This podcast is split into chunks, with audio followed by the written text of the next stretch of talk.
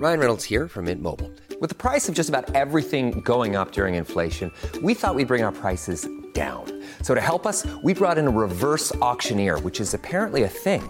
Mint Mobile unlimited premium wireless. Ready to get 30, 30, bit to get 30, bit to get 20, 20, 20, bit to get 20, 20, bit to get 15, 15, 15, 15 just 15 bucks a month. So, Give it a try at mintmobile.com slash switch.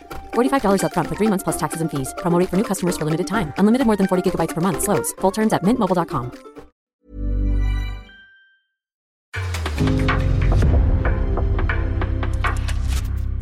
En podcast från Aftonbladet.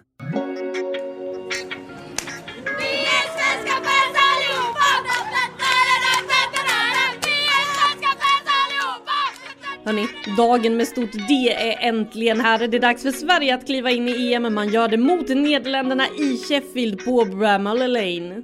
Det har varit mycket snack och det blir mycket snack och jag, jag förstår att, att, eh, att de förväntningarna finns och vi har dem på oss själva också. Alltså när vi går in i ett mästerskap så är det ju inte, vi går ju inte in och hoppas på att vi ska ta oss vidare från gruppen utan vi drömmer ju stort och vi vill såklart stå där i slutet och, och, och vara vinnare av, av denna turnering. Men Ehm, det är också väldigt viktigt att vi inte flyger iväg. Det är viktigt att vi presterar bra fotboll, att vi växer in i denna turneringen. Ehm, och det jobbet börjar, liksom, eller det börjar för oss ehm, när vi var klara för, för detta mästerskapet. Och det jobbet börjar definitivt imorgon. Ehm, så för, för vår del som lag så är det bara viktigt att vi sätter våra detaljer, vi sätter det vi vill eh, att svenska folket ska se där ute av vårt fotbollsspel och, och så får vi hoppas att det räcker hela vägen men framförallt hoppas det blir en bra start. Vi pratar om en förbundskapten som var lite full i fan på presskonferensen. Den svenska startelvan och förväntade folkfesten. Så vad väntar vi på? Nu sparkar vi igång!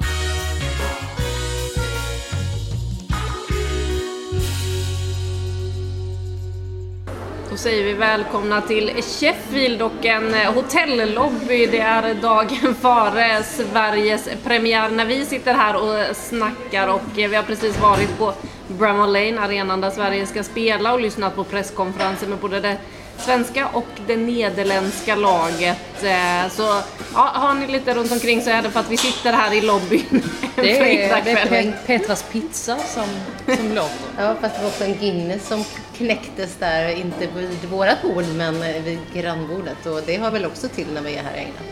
Så känns det ju ändå. Och vi som sitter här är alltså jag, Anna Rydén med mig, Frida Fagerlund och Petra Thorén. Som vanligt är denna EM-resa, det är ju så vi reser runt här nu och laddar alltså äntligen för Sveriges premiär. För så känns det ju, eller hur Frida? Nej men verkligen, när man är på sådana här mästerskap så vill man bara att matcherna ska sätta igång. Det blir lite för mycket död, dödtid blir det ju inte för vi har alltid mycket att göra men det blir lite eh, intressantare samtal när matcherna kommer igång och man har fler saker att prata om. Men jag tyckte att, eh, ja dels gjorde ju Caroline Seger och Fridolina Rolfö ett gott intryck på sin presskonferens idag. Men det var ju Peter Gerhardsson som verkligen stal showen får man säga. Ja, vi kan väl börja där då och eh, guess what, vi kommer prata om Stina Blackstenius i den här podden också. Eh, det är ju det stora samtalsämnet inför den här premiären och frågan är om Peter Gerhardsson riktigt var beredd på vad han skulle säga när han fick frågan på engelska först och främst om Stina Blackstenius kommer att starta eller inte. Vi lyssnar hur det lät när eh, Gerhardsson fick frågan. Yeah, um, she's uh, was in uh, full training yesterday and uh, supposed to train for full now. So yeah. And can she start as well? Uh, what do you think? Don't think so. No, uh, I don't think so. Ja, Frida, vad tror du? Är det så att eh, han tänkte släppa den här bomben? För det får vi ändå säga, Peter Gerhardsson brukar vara återhållsam, han brukar kunna mörka, han brukar kunna snacka runt saker väldigt mycket, linda in och så kommer man därifrån och undrar. Eh, sa han verkligen något av substans? Här säger han ju inte rakt ut. Ja, det är nästan så att man får känslan eftersom att han själv kom in på OS förra sommaren. Nu tror jag inte att han sitter och har dåligt samvete över att han mörkade då. Men det var nästan lite som att han har bestämt sig för att nej, vi kör öppna kort den här gången.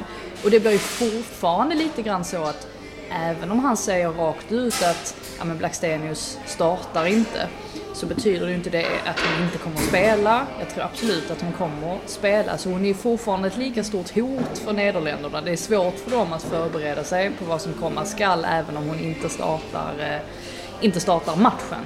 Sen kan hon ju faktiskt också starta ändå. Det var han ju inne på, att han är en sån man som velar fram och tillbaka och, och, och pratar med många olika individer för att bilda sig en uppfattning om vad som är liksom, det ultimata beslutet. Så att jag landar väl i att det var kanske var smart att vara rak och tillmötesgående. Jag tror Stina kommer att spela. Frågan är hur många minuter det blir. Ja, det är ju den stora frågan och Petra innan du får analysera det så kan vi lyssna lite då på hur Peter lät när han sen fick frågorna på svenska då när det kommer till allt det här velandet och vad sa han egentligen? Vad vet vi? Vad kan vi läsa ut av det Peter sa? För att ja, han verkar ju inte riktigt kunna bestämma sig. Så att vi har, vi har alternativ, vi har bra och Stinas inhopp senast mot Brasilien var väldigt bra. Så att, eh, I nuläget så, så om jag skulle säga att hon startar så det, är, det är ingen, ingen som skulle tro på mig ändå. Så att det, eh, det är väl lika bra att jag säger att hon kommer att finnas tillgänglig och kunna hoppa in. Och det tror jag också för Nederländerna är eh, kanske lite oroväckande. Eh, när kommer hon in och eh, vad kan hon ställa till med? Så att allting har varit eh, egentligen perfekt liksom, i den stegring hon har gjort under den här veckan. Medicinska teamet är alltid nummer ett. Vad tycker de om tid? Och sen sen pratar jag med spelarna. Det här har medicinska teamet sagt. Om de säger 45 eller 30 och så ger jag med dem en bild. För att det är viktigt att de också är liksom inne på samma sak. Och jag har varit med om att, inte här men på klubbsammanhang, när medicinskt team har sagt någonting och så har spelaren sagt något annat. Och då har jag litat på spelaren. Så att det är liksom den ordningen som, som jag tror är viktigt att ta. Så om Stina skulle säga att hon är klar för att starta så skulle det kunna ändras? Om medicinska teamet säger att hon kan starta och hon skulle säga att hon kan starta. Ja, det skulle kunna vara så. Och jag, alltså det, det är så att jag är, jag är expert på att ändra mig. Jag märker det. Ja, så att... Jag kanske inte skulle frågat det. Du, eh, har du bestämt dig eh, för startelvan imorgon? Är den klar? Hoppas slutelvan. Inte slutelvan är inte klar, men delar i den också. Men startelvan är i stort sett eh, klar. Då har du bestämt dig om det blir trebackslinje eller fyrbackslinje då? Ja. När bestämde du dig? Eh, det bestämdes igår, tror jag. Men, nu kommer jag dit igen. Eh, vi bestämde trebackslinje mot eh, England i semifinalen. Eh, vi spelar fyrbackslinje när vi startar, så att jag ändrar mig där. Vi skulle spela mot USA med eh, trebackslinje, men vi startade OS med fyrbackslinje. Och hur har du resonerat den här gången? Ja, egentligen på samma sätt. att jag, jag, jag tror att jag har bestämt mig nu, men jag, jag litar inte på mig själv. Så att ibland kan det komma någon här och så börjar jag prata med Magnus Wickman och så, och så får vi det här. Och, Ehm, Ehm, ja, spelarna kommer att gå ut och eh, oavsett om det är tre eller fyra så kommer de att känna sig trygga. I Nej, vi får väl se när han fattar beslut och hur många positioner i startelvan och sådär han har öppet. För han sa att han har det ganska klart för sig. Men den var inte helt spikad, även om han då också ska prata ihop sig med medicinska teamet under kvällen för att se hur folk har reagerat på träning och så vidare. Men om vi bara knyter ihop Stina-säcken med dig Petra, hur många minuter tror du hon har i sig och vad, vad innebär det här? Alltså jag tror hon kanske har i sig upp mot 45 minuter i alla fall nu då. Hon har ju kommit igång bra, stegrat sin träning och eh, hon har ju ändå hållit igång eh, löpningen ordentligt och haft uppe flåset liksom. Hon har inte vilat även om hon inte har kört fotboll hela veckan. Men eh, det är ett långt mästerskap, hon, de kommer inte riskera, de kanske inte ens sätter in henne om de inte behöver. Utan jag tror att Stina kommer användas eh, om eh, match behovet finns, det vill säga resultatbehovet finns. Annars kommer hon kanske till och med kunna sitta hela tiden på, på bänken. Alternativt om man känner att det är bra att ge henne en kvart, 20 minuter för, för kommande matcher. Då. Och vi har ju varit inne på det här hela veckan och, och, och både rapporterat om de oroväckande bilderna. Vi har inte gått på de här, så här positiva besked utan det har varit liksom en sakta stegring men att vi har ganska tidigt slagit fast att eh, både att eh, det kommer bli ett inhopp och att man inte ska riskera något. Så att, eh, eh, och det har väl, jag menar, Peter Gerhardsson har ju fått lite kritik för att eh, kanske då liksom mörka och han var inte tydlig. När vi kom hit i söndags var han ju så otydlig kring de medicinska delarna. Så idag hade han ju verkligen, ja men idag hade han verkligen frågat eh, medicinska teamet vad kan jag svara. Så att eh, jag tror att det, det han säger är precis så läget är. Ja, det känns inte som att han eh, försökte linda in någonting, men han funderar ju också här då på sin startelva som han var inne på. Han har den i princip klar. Så ska vi gå igenom den här startelvan då? Jag tror att vi alla tre är överens om att eh, vi kommer att se Hedvig Lindahl i mål, eller? Ja, det, Hedvig har ju faktiskt inte sett 100% ut på de här träningarna som vi har fått se. Men jag tycker inte det råder någon tvekan om att hon ska vara nummer ett. Och får hon göra en bra match, då vet vi hur hon kan växa i ett mästerskap. Hon gör alltid det. Så att eh, jag eh, håller Hedvig först.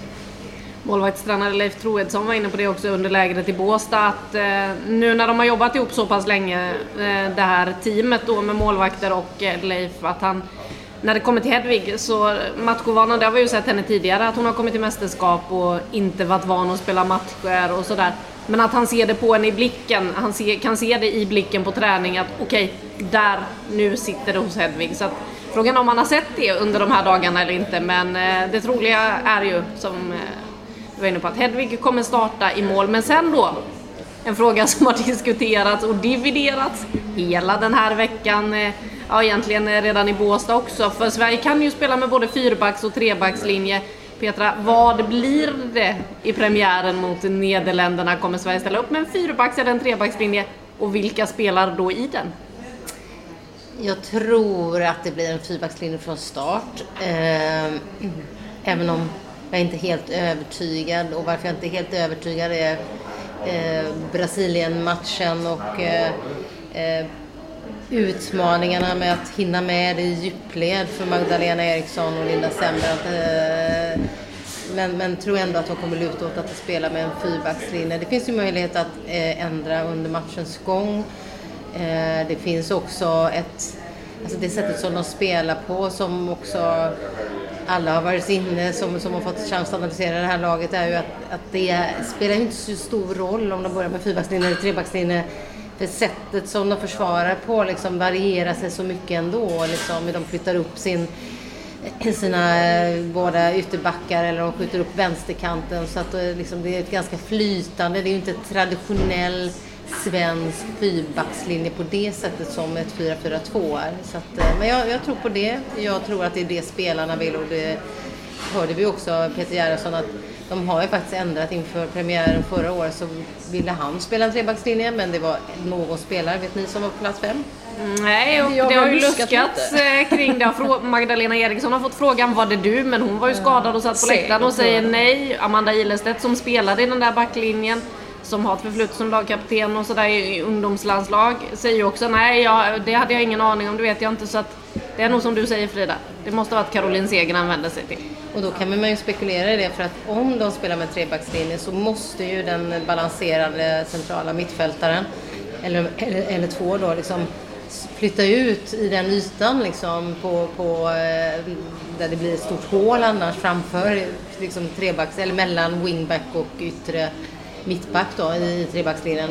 Och det kanske Caroline Seger inte är lika bekväm med att göra defensivt. Så hon, för henne kanske det är bekvämare med fyrbackslinjen. Hon känner att balansen i laget blir mycket bättre. Så att, nej, jag tror en fyrbackslinje.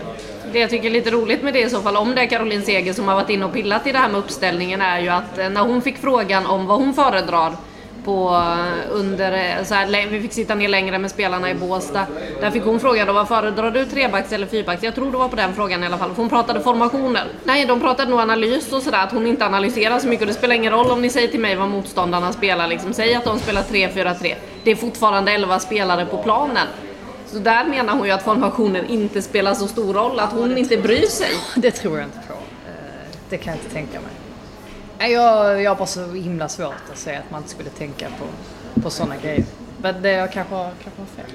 Men vilka är i backlinjen då? Om vi säger att det blir en fyrbackslinje. Är du med på att det blir en fyrbackslinje först och främst Frida? Ja. Jag, har ju, jag har ju varit lite inne på, eller jag, jag, jag tror jag vill att det ska vara trebackslinje bara för att det liksom ska bli lite... Det ska hända någonting. Hända någonting. Ja. Men eh, jag tror som Petra, jag tror också att det blir en fyrbackslinje. Rätt mycket baserat på att de nog själva föredrar det. Nu, nu menar han ju på att han lyssnar inte, det är ju inga gruppbeslut det här, men jag tror nog att vem det nu än är som har veto i truppen så eh, tror jag definitivt att eh, den personen kommer göra sitt för att lyfta en fyrbackslinje så därför tror jag nog att, att det blir en Och då har vi Hanna Glas längst ut till höger, det är vi alla överens om. Mittbackar, vad ser vi där då? Linda Sembrant har ju haft sina skadeproblem eh, fram mot den här premiären så hon får väl börja på bänken. Ja, det framgick väl ganska tydligt också att hon har ännu färre minuter än vad Stina Blackstenius har i sig. Så att hon kommer ju mm, max eh, sitta på bänken och kanske inte ens hoppa in. Eh, då lutar det ju åt Amanda Ilestedt eh, tror jag ändå. Vi har pratat den här veckan om Nathalie Björn där. Vi kanske jag har varit lite inne på att det, det känns som att hon hade haft det som en, en, är lite mer följsam och, och tar det här djupet på ett annat sätt än vad Amanda Ilestedt gör. Men det är ju ändå Amanda som har spelat. Hon spelade under OS, eh, fick mycket speltid. Så det känns som att eh, Peter Gerhardsson lutar sig mot henne och så är det Magda och Jonna då, som jag tror. Frida, har du Ja, nej men jag, jag håller med även om jag...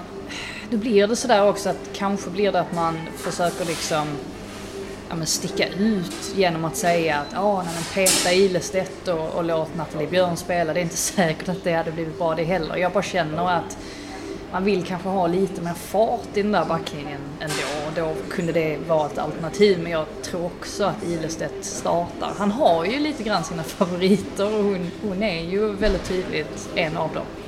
Och eh, då kan vi väl säga att eh, mittfältet, det har vi varit inne på tidigare när vi har tittat på den här startelvan, att det är det mest givna. Så länge de är eh, hela så är trion där Caroline Seger, Filippa Angeldal och Kosovare Aslani. Det är så vi ser det imorgon också va? Ja, gud ja. Det finns ju ingenting där som skulle möjligen liksom det höga pressspelet om inte Stina Blackstenius då spelar på topp. Men eh, eh, nej, det är klart att det är den trion som spelar och det är tre otroligt viktiga spelare alla tre. Både Karin Seger med sin förmåga att eh, styra tempot i matcherna och liksom leda sitt lag. Filippa Anjedals otroligt öppnande passningar och eh, Kosses liksom brutalitet i sitt eget eh, duellspel och, och så att det finns alla komponenter där. Jag har svårt att se att de skulle ändra på den trion. Sen var det ju, eh, när jag pratade med Jonas Eidevall så, så lyfte han ju en ganska intressant aspekt för att jag bad ju honom prata om relationen mellan Miedema och Blackstenius efter att Blackstenius kom in i Arsenal. Och då jämförde han rakt av med Hurtig och Blackstenius just från Brasilien-matchen när Blackstenius kommer in och Hurtig droppar ner som tia. Och han tyckte att, eller han menade på liksom att då får ju verkligen Hurtig som är en sån fantastisk fotbollsspelare, då får hon verkligen alltså, utlopp för alla sina kvaliteter. Och så dessutom har hon en spelare framför sig som kan göra det här jobbet som hon kanske inte gör. Det handlar ju om att löpa i, i djupled och öppna upp ytor och sådär. Hurtig behöver den typen av spelare. Så det tyckte jag var lite intressant också, att det här med att ja, men Asllani är väl given liksom på, på mittfältet, men att det finns lite andra alternativ ändå. Men jag tror ju såklart också att, att det blir det i mittfältet. Ja, men vänta lite här nu. Frida försöker alltså peta Asllani. Nej, jag försöker inte peta Asllani. Jag eh, pekar bara på att eh, hon kanske inte är helt oersättlig. Men hon startar. Ja, det tror jag absolut. Och längst fram då, där har vi ju hålet där eh, vi inför mästerskapet har tänkt oss Stina Blackstenius och där hon ju är första valet när hon är hel. Men nu ska hon inte starta enligt Peter Gerhardsson, så hur blir eh, anfallstrion? Försökte Peter sätta lite griller i huvudet på oss genom att ta upp Rebecka Blomqvist. Rebecka Blomqvist. Och, och dessutom eh, nämna då den här internmatchen som vi inte visste någonting om. Nej, Eller den det- hemliga matchen. Ja, för den var ju väldigt tydlig med i. Stockholm så här att okej, kommer fram dagen innan Brasilien-matchen och så, så där, och börjar liksom hinta om att ja, nej, men det var ju i internmatchen så var det tre tvåmålsskyttar, två av dem kommer ni kunna lista ut, den tredje tar ni aldrig, sa han då. Ehm, och sen bara Och så var det någon som frågade någonting, han bara nej, nej, kommer inte berätta, kommer inte berätta, kommer inte. Kanske någon gång i England eh, när vi har varit där liksom sådär. Och så på presskonferensen idag så droppade han då att Rebecka Blomqvist var en av de här tvåmålsskyttarna som dessutom slog assist då, vilket innebär att hon måste ha varit i det vinnande laget. Där också Fridolina Rolfö gjorde två av målen. Ehm, så att, ja nej. Ja, han hyllar ju henne i alla fall. Och och med, med Rebecka Blomqvist, precis som vi har varit inne på i tidigare poddavsnitt, så får man ju det här, de här djupledslöpningarna med henne och de får man inte riktigt med Linda Hurtig. Men jag har ändå väldigt, väldigt svårt att se att Hurtig inte skulle ta den platsen. Jag hade blivit förvånad. Ehm, men eh, vem vet, han kanske, han kanske väljer att göra ett sånt typ av drag. Men jag, jag tror ändå på Hurtig.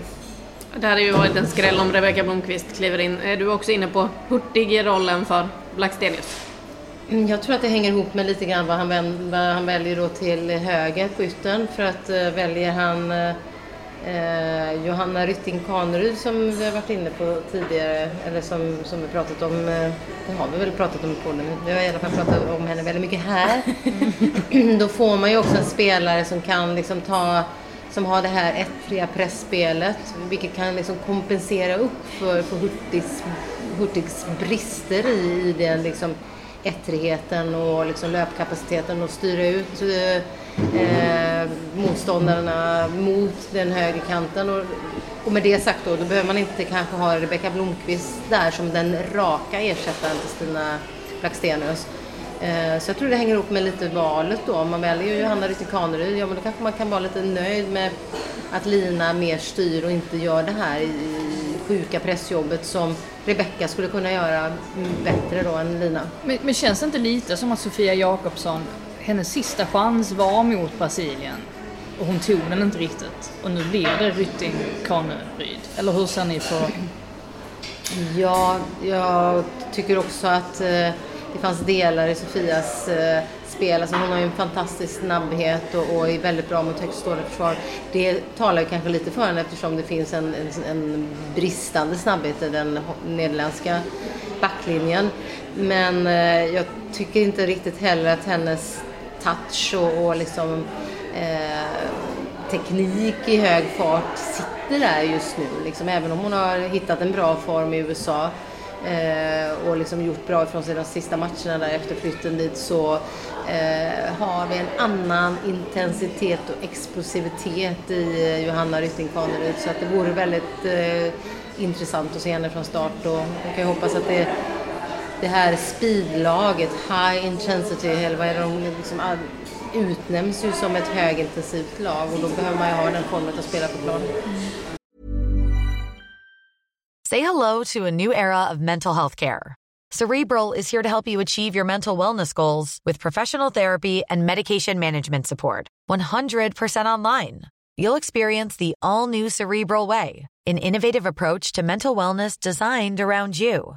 You'll get a personalized treatment plan from a therapist, prescriber, or both in a safe and judgment free space.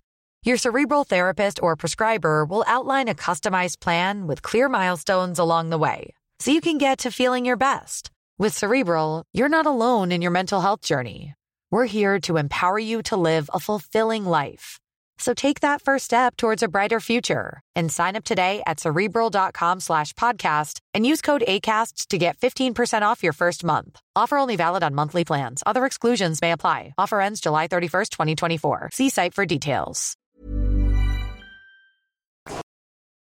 Ja, och eh, har vi då, om jag, ute till vänster så räknar jag med att eh, Fridolina Rolfö är ju given hos oss alla. Är det då Fridolina Rolfö, om vi går från vänster här nu då med Rolfö, Lina Hurtig och Johanna Rytting Kaneryd som vi sätter som startelvan här? Jag tror att eh, det kommer att bli så. Sen eh, för, att låta lite som, eh, var det Erik Hamrén som alltid pratade om slutelvor? Att slutelvan är Och väldigt Peter viktig. Gerhardsson. Det är Peter Gerhardsson Ja, också. Peter Gerhardsson pratar om slutelvan hela tiden. Den hade han ju inte satt riktigt än, men han hade fortfarande, han hade ändå delar av sin slutelva klar. Det tyckte jag var lite intressant. Ja, och den får man väl inte glömma bort någonstans heller. Det tycker jag är så fantastiskt att även om det, det kommer bli en, en väldigt bra startelva så kan vi liksom ha spelare på bänken som verkligen kan komma in och förändra en matchbild. Det tycker jag talar väldigt mycket för, för Sverige också i den matchen. Supersubben Olivia Skog. Ja, som är i stor form. är också en sån spelare som verkligen bara kan komma in när motståndarna börjar bli lite trötta. Så att, eh, är det en otroligt bred bänk. Vi pratade ju just om det också häromdagen. Det har ju mycket tid här mellan träningar och bil. Och under träningar att stå och Eh, diskutera. Men, ja, jag vet inte vad vi inte har diskuterat än, men, men alltså bredden på bänken, liksom, spetsen. Inte Mm. bara bredden utan spetsen på den svenska bänken är ju imponerande och kanske en av de bästa. Du var inne på att England kanske också hade, eh, Frankrike kanske. Mm. Ja, England tycker jag definitivt, eh, definitivt har det. Men oj, nu kommer Petras... eh, Ja, pizza. Den var inte liten pizzan som eh, Petra... Nej, men jag har en eh, lång natt att jobba. Det är härligt, du behöver lite kolhydrater till den. Så du kan jobba på. Men ja, vi var inne på bredden där med den svenska truppen. Men nu möter man ju då Nederländerna, regerande mästarinnor i den här öppningsmatchen. Spelarna har varit inne på att de gillar att få det tuffast möjliga direkt, precis som i OS mot USA. Vad är det då man måste se upp med, med det här Nederländerna? Ja, det är många, många starka namn såklart. Det är inte bara Miedema, utan rent offensivt så är ju det här ett lag med Ja, men som Lika Martens, som dessutom pratar svenska. Eh, så det är ju en liten fördel för henne också. Så att det, det är inte bara, det är inte bara Miedema, även om mycket av ljuset faller på henne eftersom att hon verkligen är en av världens absolut bästa spelare. Så att hon kan göra hon kan eh, åstadkomma väldigt mycket med, med sina kvaliteter. Så det är väl egentligen, det är ju främst det, alltså det som, så som jag har förstått det dock med, med Nederländerna, i och med att deras backlinjer har brustit så som den har gjort, så har det bildat väldigt stora hål på planen. Eh, vilket har gjort att lagdelarna har legat väldigt långt ifrån varandra. Och det är väl i så fall någonting som Sverige måste utnyttja och verkligen liksom lyckas spela sig igenom där och komma in bakom backlinjen. Men eh, som sagt, man måste se upp med eh, deras offensiva hot och vår backlinje har faktiskt inte heller sett sådär eh, jätterapp ut de, eh, ja, i ett par matcher. Brasilien då, jag tänker på en sån match som när de mötte Portugal i, i Algarve Cup. Det var en helt annan, det är ju en vänskaps eller en tränings, eh, träningslandskamp så att det är en helt annan grej men det var det ett par gånger som till och med Portugal kom in bakom Sveriges backlinje. Faktiskt borde ha gjort mål men så slarvade de dem bort det eh, vid sista touchen så att det är definitivt ett hot de, de måste se upp med. Och sen är det lite två aspekter där. Det ena är att de har så otrolig fart också, Nederländerna, i sin, i sin offensiv och kommer ofta väldigt brett från sina kanter. Så att de har ju de kan ju liksom både komma centralt och från kanterna. De kan komma med inlägg men de kan också komma liksom, eh, för genombrott eller skott eh, och utmaningar från, från, eh, från centrala ytorna. Eh, och Peter Gerhardsson, det var väl på din fråga där Frida om hur viktigt det var att hålla Mirma felvänd då, vilket förstås är så, så fort man kan få henne ut från röda zon, golden zone och bort liksom felvänd därifrån så är det viktigt. Men och där var han ju inne lite grann på att, eh, att ha ett mer markeringsinslag på henne, liksom att sätta ett plåster på henne. Eh, på, för att ha en som följer och verkligen hela tiden ligger tight, tight på. Och det kan man ju göra med markeringsinslag eller man kan göra det med zon, eh, zonförsvar där, där liksom man måste släppa över det ansvaret då hela tiden. Eh, och det som kan hända då det är ju att eh, att eh, det kollektiva brister lite grann. För Sverige är ju inte så vana vid att spela med markeringsinslag. Att man tappar liksom någon annan som kommer och att hon drar på sig en och så kliver en upp till i, i liksom ett understöd och sen så släpper man ute för, för en Martens eller någon annan. Så att där finns ju också någonting som man måste se upp med. Jag är inte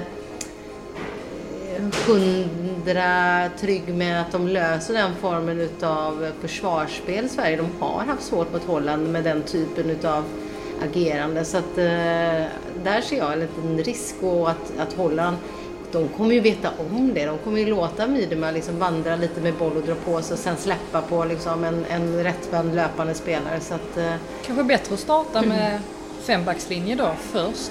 Om Stina inte kan starta. Starta med fem, fembackslinje, försöker liksom hålla, kontrollera matchbilden lite grann. Och sen så i andra halvlek så kör man. Fast det är lite defensivt. ja, det är, det är ju tråkigt. Ja. Men eh, Ja, men jag, så jag tänker bara om man plockar ut den pusselbiten, att man kombinerar. Det är vi inte så vana vid. Och vem är det som tar den i så fall, den rollen? Eh, är det bör ju vara någon på mittfältet i så fall som ligger eller någon... Ja. Ja. Angeldal har ju inte riktigt den. Då är, då är vi inne, då är det ju Nathalie Björn liksom, som är en sån spelare som skulle kunna göra Det det. är det jag tänker om tre... ska vi få in henne i den här Ja, starten? det, det, är det, jag tänker om på och- en, det är det jag tänker om en Peter trebackslinje. lyssnar kanske även på oss. För en trebackslinje då kan du ha en som kliver upp hela tiden och, och ligger tätt på, eh, på en, en, eh, en motståndare. Så det, det alternativet eh, finns ju. Det finns. Alternativet att en av mittbackarna kliver upp och stöter högt. Mm. Så spelar ju rätt många lag. Mm. Eh, Men det är klart, det, det finns ju en risk att det blir för öppet bakåt. Men ja, samtidigt så ligger man bara tätt på henne så det är ju egentligen det viktigaste. Hon lär få ett plåster i alla fall, Midema, under matchen imorgon. eh, Kan vi kanske anta. Kom några svenska fans ut här? Ja. Det är ju så att... De ska ut och eh, göra Sheffield. Springa efter dem. Ja, för det är ju så att det är en hel del svenska fans eh, på ingång till Sheffield för att se den här matchen. Och eh, vi kan väl lyssna lite på vad spelarna säger om stödet och eh, kärleken från fansen, både på plats och alla som följer hemma. det känns ju fantastiskt kul att det, det kommer svenskar som är på plats och att det är många sålda biljetter. Vi ser fram emot att, att spela inför folk och nu har vi haft ett OS med tomma läktare så att eh, det här är ju det vi längtar efter så att eh, jättekul att få ha plats eh, folk på arenorna. Eh, nej men jag, jag tror jag sa det till vem det nu var där ute, men senast var ju VM 2019. Då tror jag det var 500 svenska fans på, på plats när vi mötte USA, vilket eh, kändes väldigt Eh, mycket och kul. Så att eh, det är en väldigt fin ökning som eh, om nu alla är här och, och kommer hit så det är ju en, en fantastisk och magisk känsla när man har och ser ut i publiken och, och ser alla blågula fans där ute. Ja Petra, de uppskattar ju verkligen stödet som kommer. Det pratas om 2700 svenska fans ungefär. Det är det som man har sålt via förbundet, något i den stilen. Och det ska marscheras och allting här imorgon. Det kommer bli en ganska mäktig stämning. Det var ju stort redan i Frankrike som eh, Caroline Seger var inne på, men det var runt 500 då. Mm. Det här kommer bli något helt annat. Då var det väl liksom eh, deras familjer och så några hundra till. Liksom. Så här, men det här kommer bli någonting annat. Det är också i grund och botten första gången som, som de, ja, det är första gången de har ett sånt här stort eh, supporterfölje. Och det är också supportrar som kanske hänger med med herrlandslaget i vanliga fall. Så det är också fans som, som inte har varit på mästerskap med, med det svenska damlandslaget. Eh, så det kommer liksom synas på inramningen. Eh, lite mer kanske sånger och lite mer hejande än vad det har varit innan. Då, Och det har varit mycket liksom barnfamiljer och så här som har varit på, på, på läktarna. Så att, eh, det kommer bli häftigt. Eh, tror Jag tror att det skiljer ungefär 700 på, på, mot de nederländska fansen. Sverige vinner den läktarkampen på förhand. Sen får vi se. De är duktiga. Eh, de orangea, det orangea havet finns ju också. De kommer också stötta sitt lag. Så det kommer vara en häftig eh, supportermatch. Och det kommer marscheras från båda håll dessutom till arenan. Eh, det känns som att det kan bli scener vi nästan inte har sett tidigare i damfotbollssammanhang. Ja, det är häftigt och eh, det är liksom, det är ju dit, det är åt det hållet vi vandrar med allting i utvecklingen kring damfotbollen. Så det är klart att de ska ha, ha och förtjänar eh, all den inramningen som redan finns kring här fotbollen.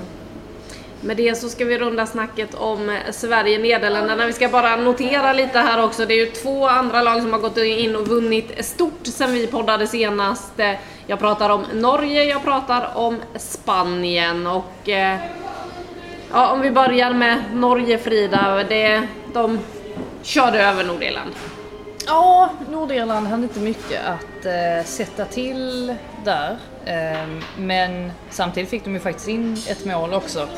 Så att eh, de var ju glada ändå, jublades väldigt på, på läktarna men naturligtvis så är ju Nordirland ett lag som man på ett sätt inte kan förstå riktigt hur de, är, hur de ens kan vara här i, i EM för att så pass mycket sämre var de än, än Norge. Så att väldigt behagligt för Norges del och de har ju en väldigt fin offensiv. Samtidigt så är det väldigt svårt också att bedöma hur pass bra Norge är just nu. Man får nästan ge dem i alla fall ytterligare en match. Det blir väl England i, i nästa det är England match. i nästa. Om jag inte fel. Så att då kommer vi, vi verkligen få se hur pass bra Norge är. Ja, den pratade Ellen White mycket om direkt efter deras premiär eh, där. Då var hon inne på att hon trodde att du var från Norge. Ja, jo.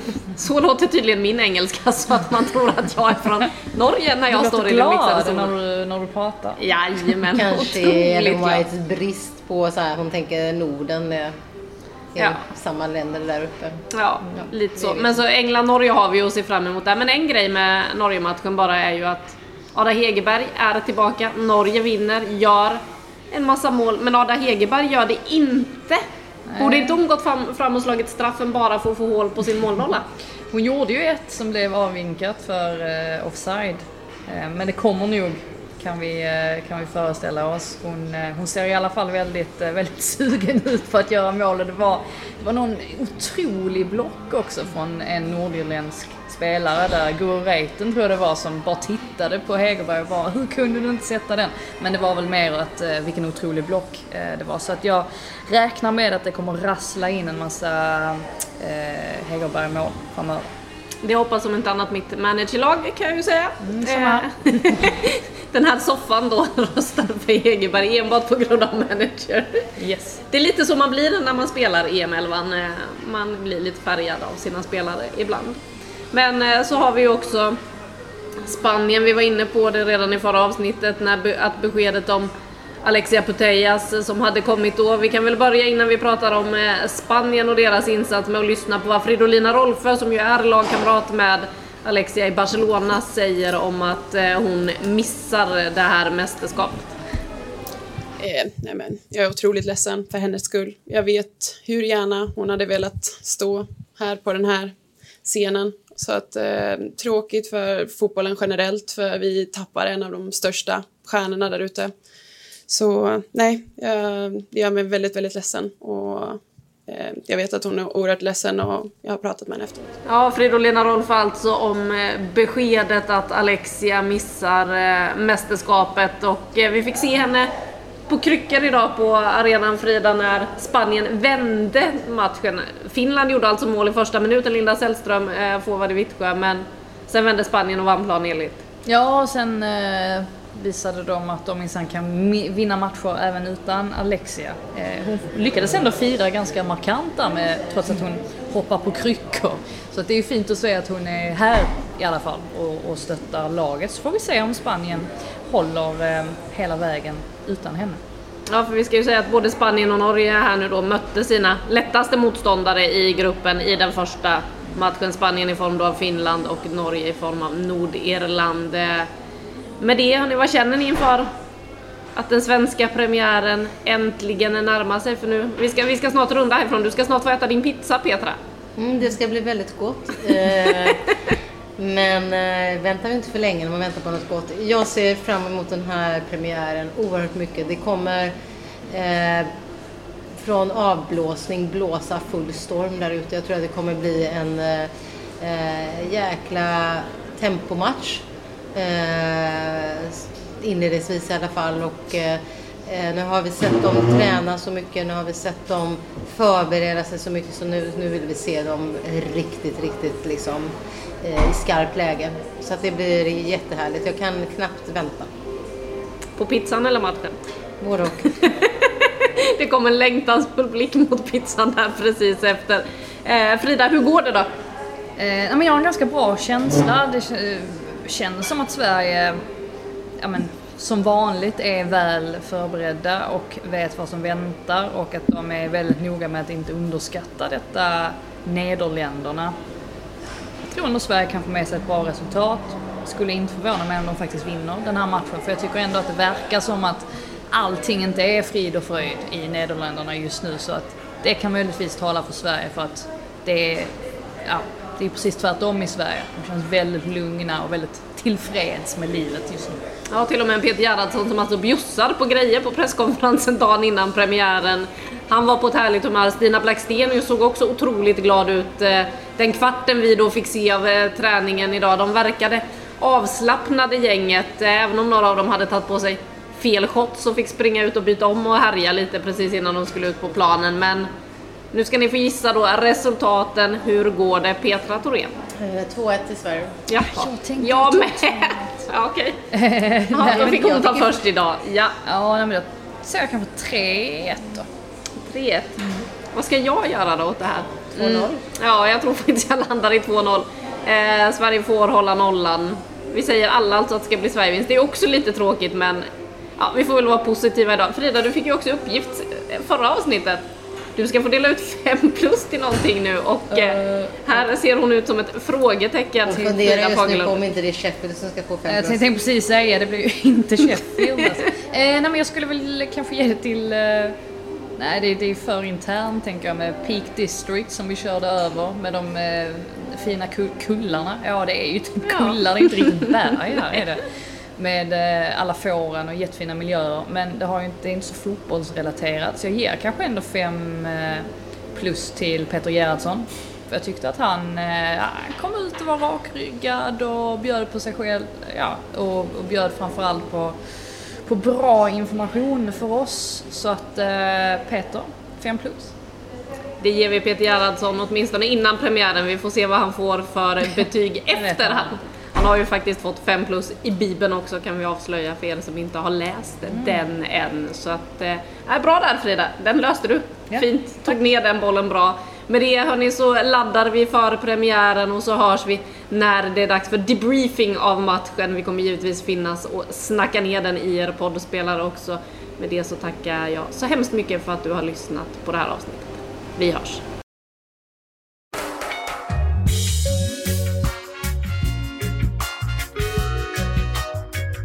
Du har lyssnat på en podcast från Aftonbladet. Ansvarig utgivare är Lena K Samuelsson.